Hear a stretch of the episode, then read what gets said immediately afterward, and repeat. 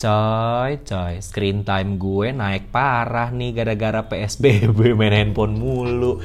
Udah emang nggak ada kerjaan ya main handphone. Terus udah gitu gue tuh nggak inget hari kan, jadi liat handphone mulu. Bahkan kalau gue lagi sama seseorang gue tuh nanya terus, ini hari apa sih? Emang lo apal hari? Kagak sih. Gue kayaknya yang penting besok bisa ngerjain sesuatu gue udah seneng rasanya. Oh, anaknya produktif banget. 2020 tuh emang ngaco banget sih, guys. Gue tahu banget emang banyak perubahan-perubahan dan hal-hal yang bikin lo kayak, aduh, apalagi nih, gitu kan?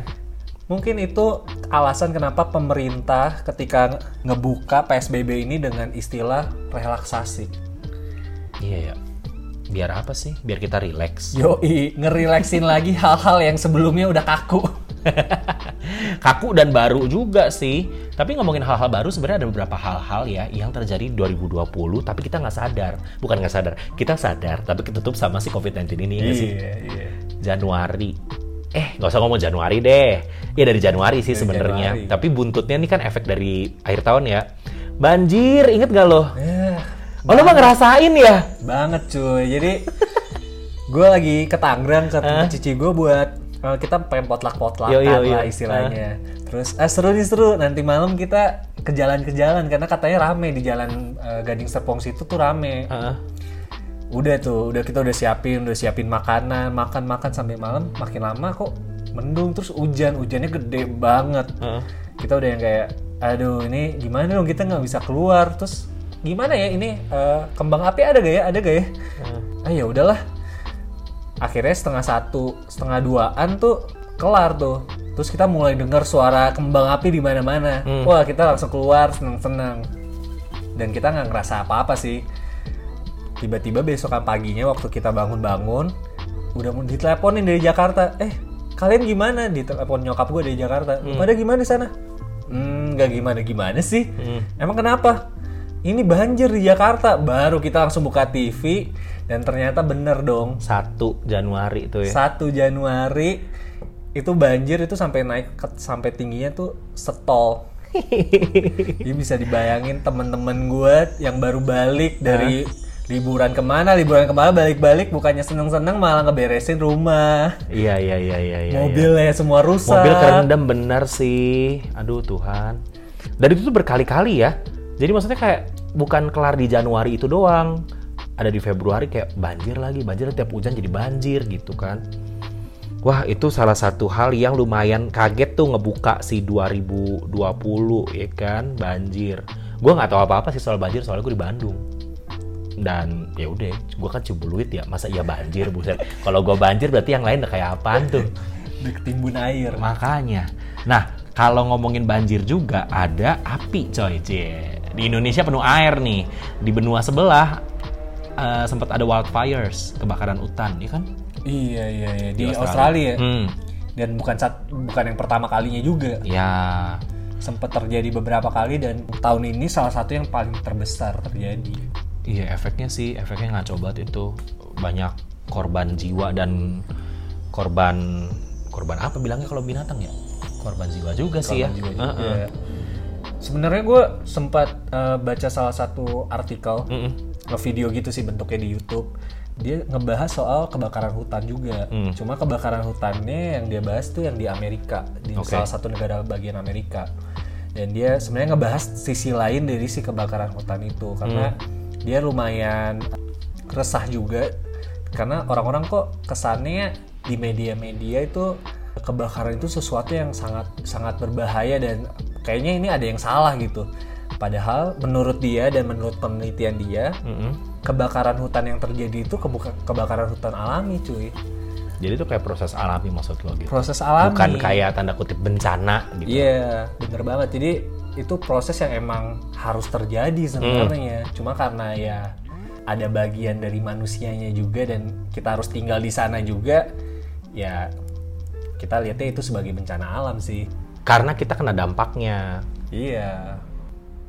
Tapi lo tahu nggak? Jadi nih, aduh, eh, ada satu akun. Gue lupa nama akunnya apa, tapi dia tuh pakai nama uh, The Naked Philanthropist, di mana cewek ini dia pajang foto dia bugil gitu lah. Bugil sebugil-bugilnya coy nggak pakai apa-apa ya tanpa sehelai benang pun kalau kata media Indonesia. Nah, dia bilang siapa pun yang bisa ngasih bukti kalau lo ikut berpartisipasi dengan donasi minimal 10 dolar Australia mungkin lo bisa dapetin eh gue langsung ngirimin foto uh, foto bugil gue ke lo gitu Wow. Hmm. nah dia mengubah cara charity banget coy dan dia berhasil ngumpulin satu juta dolar Inovatif. inovatif lo nggak mau coba Untungnya dia bukan di Indonesia. kenapa emang Kalau di Indonesia yang yang charity-nya satu orang, yang nonton jutaan disebarin. Tuh, Real. yang bener, iya juga ya. Nggak ada jaminan juga sih di luar negeri dia nggak disebarin ya. Nah, gue nggak ngerti sih si itunya gimana sih eh, mekanisme charity dia. Cuma yang pasti, wah semua orang punya cara masing-masing buat bercharity. Terus udah gitu ada cerita juga kalau dari Inggris, Maxit. Pasangan yang cukup menghebohkan Bukan cukup lagi, emang kontroversi banget coy dari awal kawin ya nggak sih? karena kan si Meghan ini juga bukan orang Inggris. Nah, eh, satu, Terus dia juga eh, bukan pernikahan pertamanya, IOI. di mana eh, kerajaan Inggris kan ada konvensional ya, Benar, kerajaan namanya juga. Dua tuh udah dua poin. dan juga Yoi, ras. Karena dia ada bukan campuran orang eh bukan orang kulit putih doang gitu kan, ada campurannya gitu. dan sempat jadi pergunjingan dunia maya ya. Wah banget sampai sekarang. Sampai keputusan dia buat Maxit itu juga kan sebenarnya jadi pergunjingan orang-orang karena kayak lu pernah gitu denger ada anggota kerajaan tanda kutip resign, iya kan? Cuma ya katanya sih mereka memang mau bagi waktu antara eh, lokasi ya ngomongin lokasi Amerika Utara sama Eropa gitu. Gua nggak tahu juga sih sekarang mereka ngapain. Pengen lebih sederhana gitu kali ya. Hmm? Atau dia mau eh, mungkin i- pernah nonton FTV Indonesia kali ya, Apaan? yang pangeran-pangeran. Ketemu sama tukang soto, tukang parkir ya kan dibikin. Ya bisa lah. Tuh bisa tuh jadi contoh FTV juga. Cuma kayaknya Mm-mm. menurut gue sih bukan karena itu semua ki, Apa? karena itu Meghan, karena Meghan itu Hmm? adalah anggota CIA cuy. Anjir, konspirasi banget. Lo hilang tiba-tiba tuh rasa lo gue ngepodcast sendirian. Baru episode pertama. Aduh, kurang ribet apa hidup hari gini pakai ngomongin konspirasi ya kan? Nah, terus udah gitu eh, 2020 juga ada kabar-kabar duka nih yang bikin gue sedih. Bukan gue doang sih, pasti banyak orang ya kan. Jutaan orang sedih banget. Kobe Bryant Ya. sama putrinya Gianna kan. Sebenarnya buk nggak cuma soal eh, kabar kematiannya doang, Mm. tapi karena personality dari si Kobe-nya Yoi, dan juga kejadiannya juga cuy yang tragis dan untimely, ya kan? ya kayak belum bisa diterima semua orang gitu kalau caranya harus seperti itu. Hmm. Terus selain itu ada Ashraf Sinclair. Hmm. Jarang ada di acara-acara gosip, Heeh. tapi selalu kelihatan harmonis sama BCL. Mm-mm. Bener sih. Wah, gue ngeliat BCL juga nggak pernah sama lagi sih habis ini. Kayak, aduh Tuhan, ini gimana ya rasanya jadi beliau gitu kan. Jadi BCL tinggal tiba-tiba. Terus ya antara dia shock juga, tapi dia harus kuat buat anaknya kan. Gitu. Nah terus kalau dari dunia musik kita sama-sama tahu kan kalau kita kehilangan dua figur eh, yang prominent banget kalau menurut gua di di musik Indonesia karena dua-duanya ngomongin soal patah hati. Cuma mereka bisa dibilang beda generasi, beda pasar, tapi ya karena musik bahasa universal jadi jembatan buat semua orang kan. Glenn Fredly ya kan. Iya. Kurang shock apa waktu hari itu lo tahu? Gue sampai, hah ini hoax ya? Gitu coy.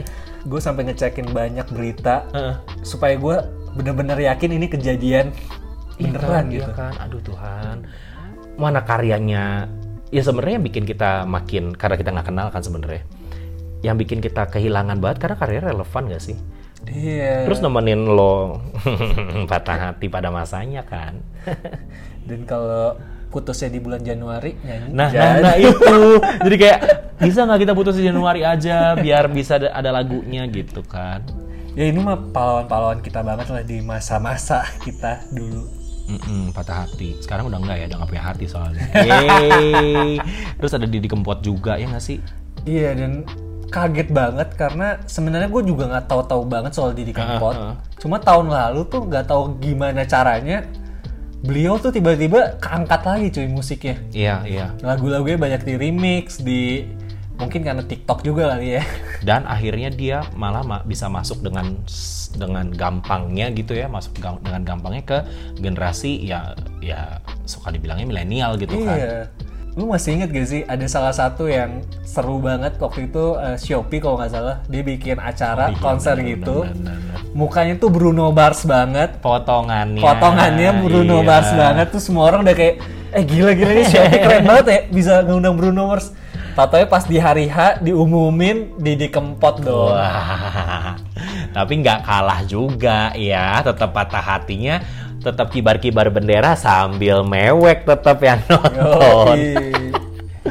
Itu menurut gue dua dua icon ini bikin patah hati jadi lebih menyenangkan sih, iya nggak sih? Iya, Karena mereka ngajakin lo buat nikmatin kesedihan lo dan bukan ngedenial, ya nggak sih? Iya sih, gue sih bukannya sosok uh, milenial sih. Heeh. Cuma lu ngerasa gak sih lagu-lagu patah hati sekarang tuh rada terlalu mengeksploitasi gitu. Kayaknya lu tuh menderita banget gitu. Wah, gua nggak ngerti deh kalau yang itu. Nanti podcast kita diserbu, Shay. Jangan. Semua hal aneh di tahun ini pastinya nggak bisa kalau kita nggak ngomongin soal kejadian yang paling buat semua orang jadi aneh. Yoi. COVID-19, 2 Maret 2020 diumumin sama Presiden, dua pasien pertama positif di Indonesia, sejak itu hidup kita nggak pernah sama lagi, ya kan?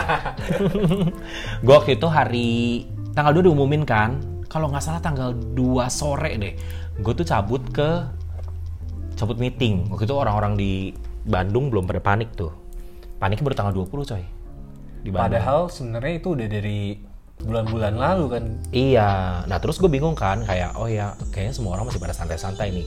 Terus gue coba cari hand sanitizer sama masker kan, karena emang itu yang kita butuhin pertama-tama. Gue cari ke ya macam-macam minimarket gitu, nggak ada loh coy. Ternyata habis juga. Terus belum panic buying yang akhirnya efek apa ya?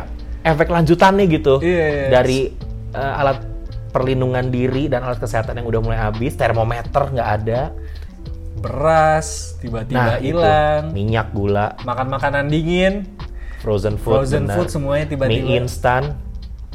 Gue sampai nggak ngerti kalau seandainya mereka beli, eh gue nggak ngerti ya, maksudnya pola pikir orang yang panik gitu. Lo beli mie instan banyak banget, lo mau makan itu tiap hari, mau usus lo lengket gitu. nggak mati sama virus tapi matinya makan Indomie. Makanya, tapi sebenarnya yang eh, bikin gue agak lucu kali ya Hmm. dengan eh, kejadian panik buying ini karena Hmm. sebelumnya ya balik lagi ini tuh bukan kejadian tiba-tiba hadir gitu. Mm-mm. Covid ini kan sebenarnya udah terjadi sebelum-sebelumnya dan lucunya adalah orang-orang eh, kita termasuk gua juga gitu sampai ngerasa kayaknya nih virus kayaknya nggak akan ngebunuh kita juga sampai ada memenya kan Iya, iya, Ya. iya, iya. Kita sempat agak ngeremehin sih. iya ya Iya orang kan? Indonesia mah kuat-kuat orang biasanya makan gorengan pakai plastik Terus malah dibilangnya yang paling ngeri sebenarnya di Indonesia tuh masuk angin gitu-gitu lah. Masih kalah lah COVID-19 sama si masuk angin ini. Tapi ujung-ujungnya mereka juga yang bikin meme, mereka juga yang panik gitu. Disayangkan ya. Tapi emang si eh, COVID-19 ini, oke kita nggak usah ngomongin efek buruknya. Nanti lu tambah stres juga kan. Udah mau overthinking, tengah malam, stres pula. Jadi mendingan kita ngomongin hal-hal yang baru dibikin atau baru muncul gara-gara si eh, efek COVID-19 ini. Working from home. iya lu nggak ngerasain ya working from home? Enggak, kan gue gak banyak kerjaan. Iya, gue sih ngerasa working from home gue ngerasain banget sih. Soalnya kayak tiba-tiba masa di mana lu harus ngatur waktu pergi ke kantor, macet-macetan di jalan, empit-empitan di komuter lain. Ah.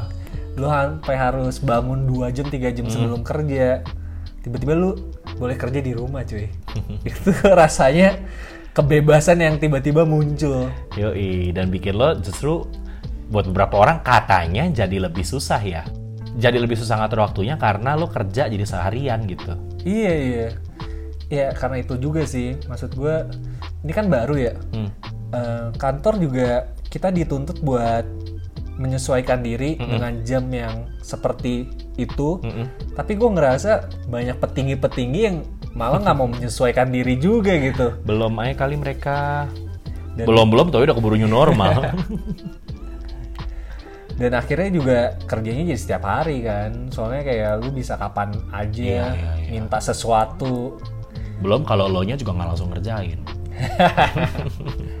pastinya dong Nah selain WFH kan ada ya kalau ngomongin sekolah online sih kita udah nggak relate ya kak, udah lewat banget masa sekolah online. Cuma gue tahu adik-adik di bawah kita tuh lagi struggle juga.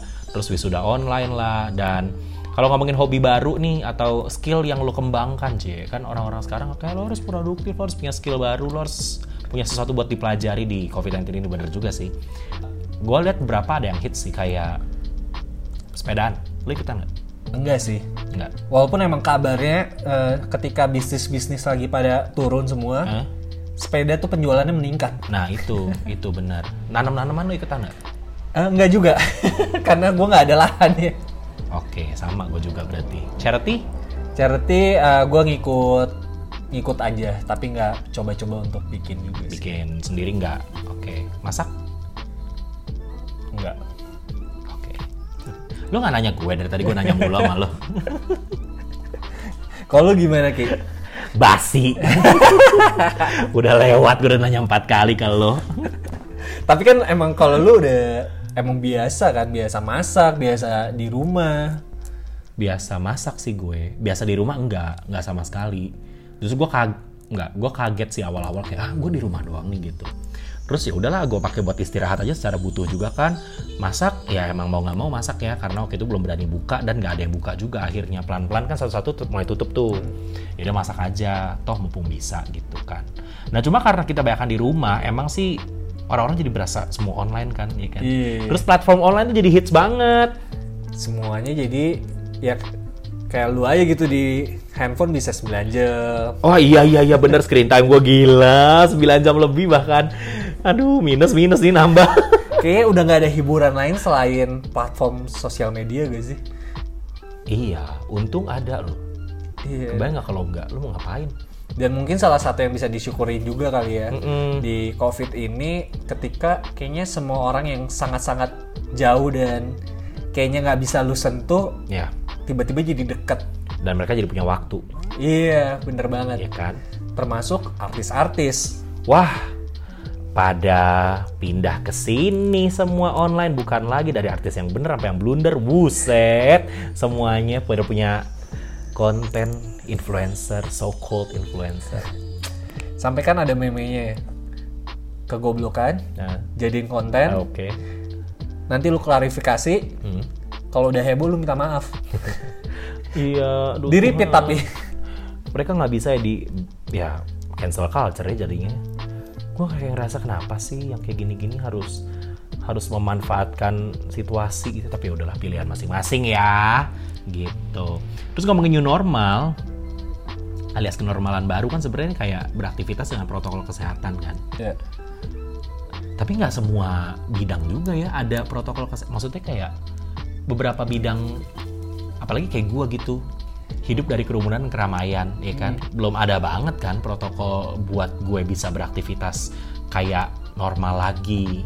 dan akhirnya mulailah pada dibikin-bikin juga ya Mulai kita bikin proposal gitu sih, ya semacam proposal, semacam intinya kita ngasih tahu lah kalau lo bakal aman ngelakuin aktivitas ini dan datang ke tempat ini gitu kan? dan mall-mall juga mulai ngelakuin protokol Lo udah ke mall? Udah kan Oh, kantor gue di mall Oh iya bener bener. Terus jadi gimana? saya mau nggak mau harus ke mall Ramai apa sepi? Gue penasaran deh. untungnya sepi ya Heeh. tapi gue nggak tahu kalau di daerah lain sih kalau Heeh. di daerah gue sih sepi nggak nggak latah lah nggak tiba-tiba langsung rame Wah gila ya, padahal gue pikir bakal rame loh orang-orang pada sibuk konten atau apa gitu di mall. Ternyata enggak ya? mungkin uh, akhlaknya mulai terbangun kali ya setelah berapa kali ini blunder Akhirnya takut juga sih orang-orang mungkin ya. dan banyak protokol udah mulai diaktifin Hmm. kayak lu mesti cuci tangan dulu sebelum masuk terus biasalah di termogra di termogan pas sebelum lu masuk kan Mm-mm. cuma ya menurut gua sih eh, itu cuma menjadikan kita ngerasa aman aja. Iya, iya. Bener sih. Karena Ya. men- menurut gue sih belum siap-siap amat sih ya kita untuk eh, kembali beraktivitas di luaran juga. Hmm. Kalau menurut gue sih. Kalau lu gimana Ki? Hmm, lo nanya gua dari sisi mana nih guanya? Siap apa enggak? Iya. Mau nggak mau gue harus siap sih. Karena gue udah kepentok juga. Maksudnya gue udah diem berapa bulan kan. Kan sama ini gue hidup pakai tabungan nih. Untung gue nabung. Untung gue pelit sama diri sendiri kan. Jadi gue bisa ongkang-ongkang kaki aja. Tapi akhirnya gue bukan mau sompral ya. Bukan gue nggak takut juga sama si COVID-19 ini. Tetap menjaga gue. Walaupun kadang-kadang gue ngerasa, kok malah gue lebih lost ya daripada yang awal-awal corona ya nggak sih kita? Iya. Nah, cuma gue ada di titik di mana ya udahlah, gue harus ber berdampingan sama si virus ini dan penyakit ini. Jadi udahlah, gue jalan aja gitu. Ya, sekarang kayaknya ekstrimnya jadi kayak gitu ya. Ada satu ekstrim yang masih eh, parnoan, Mm-mm. jadi dia tetap nggak mau ke mana-mana, Ada banget teman-teman gue. tetap nyetok segala macam, keluar cuma buat nyetok makanan doang, Iya. akhirnya balik lagi ke rumah. Tapi ada satu ekstrim lagi yang ya udahlah ya, gua di rumah kalau nggak kerja mati juga, gua keluar mungkin gua akan mati, tapi ya Iya. setidaknya gua ngelakuin sesuatu gitu. Lo yang mana?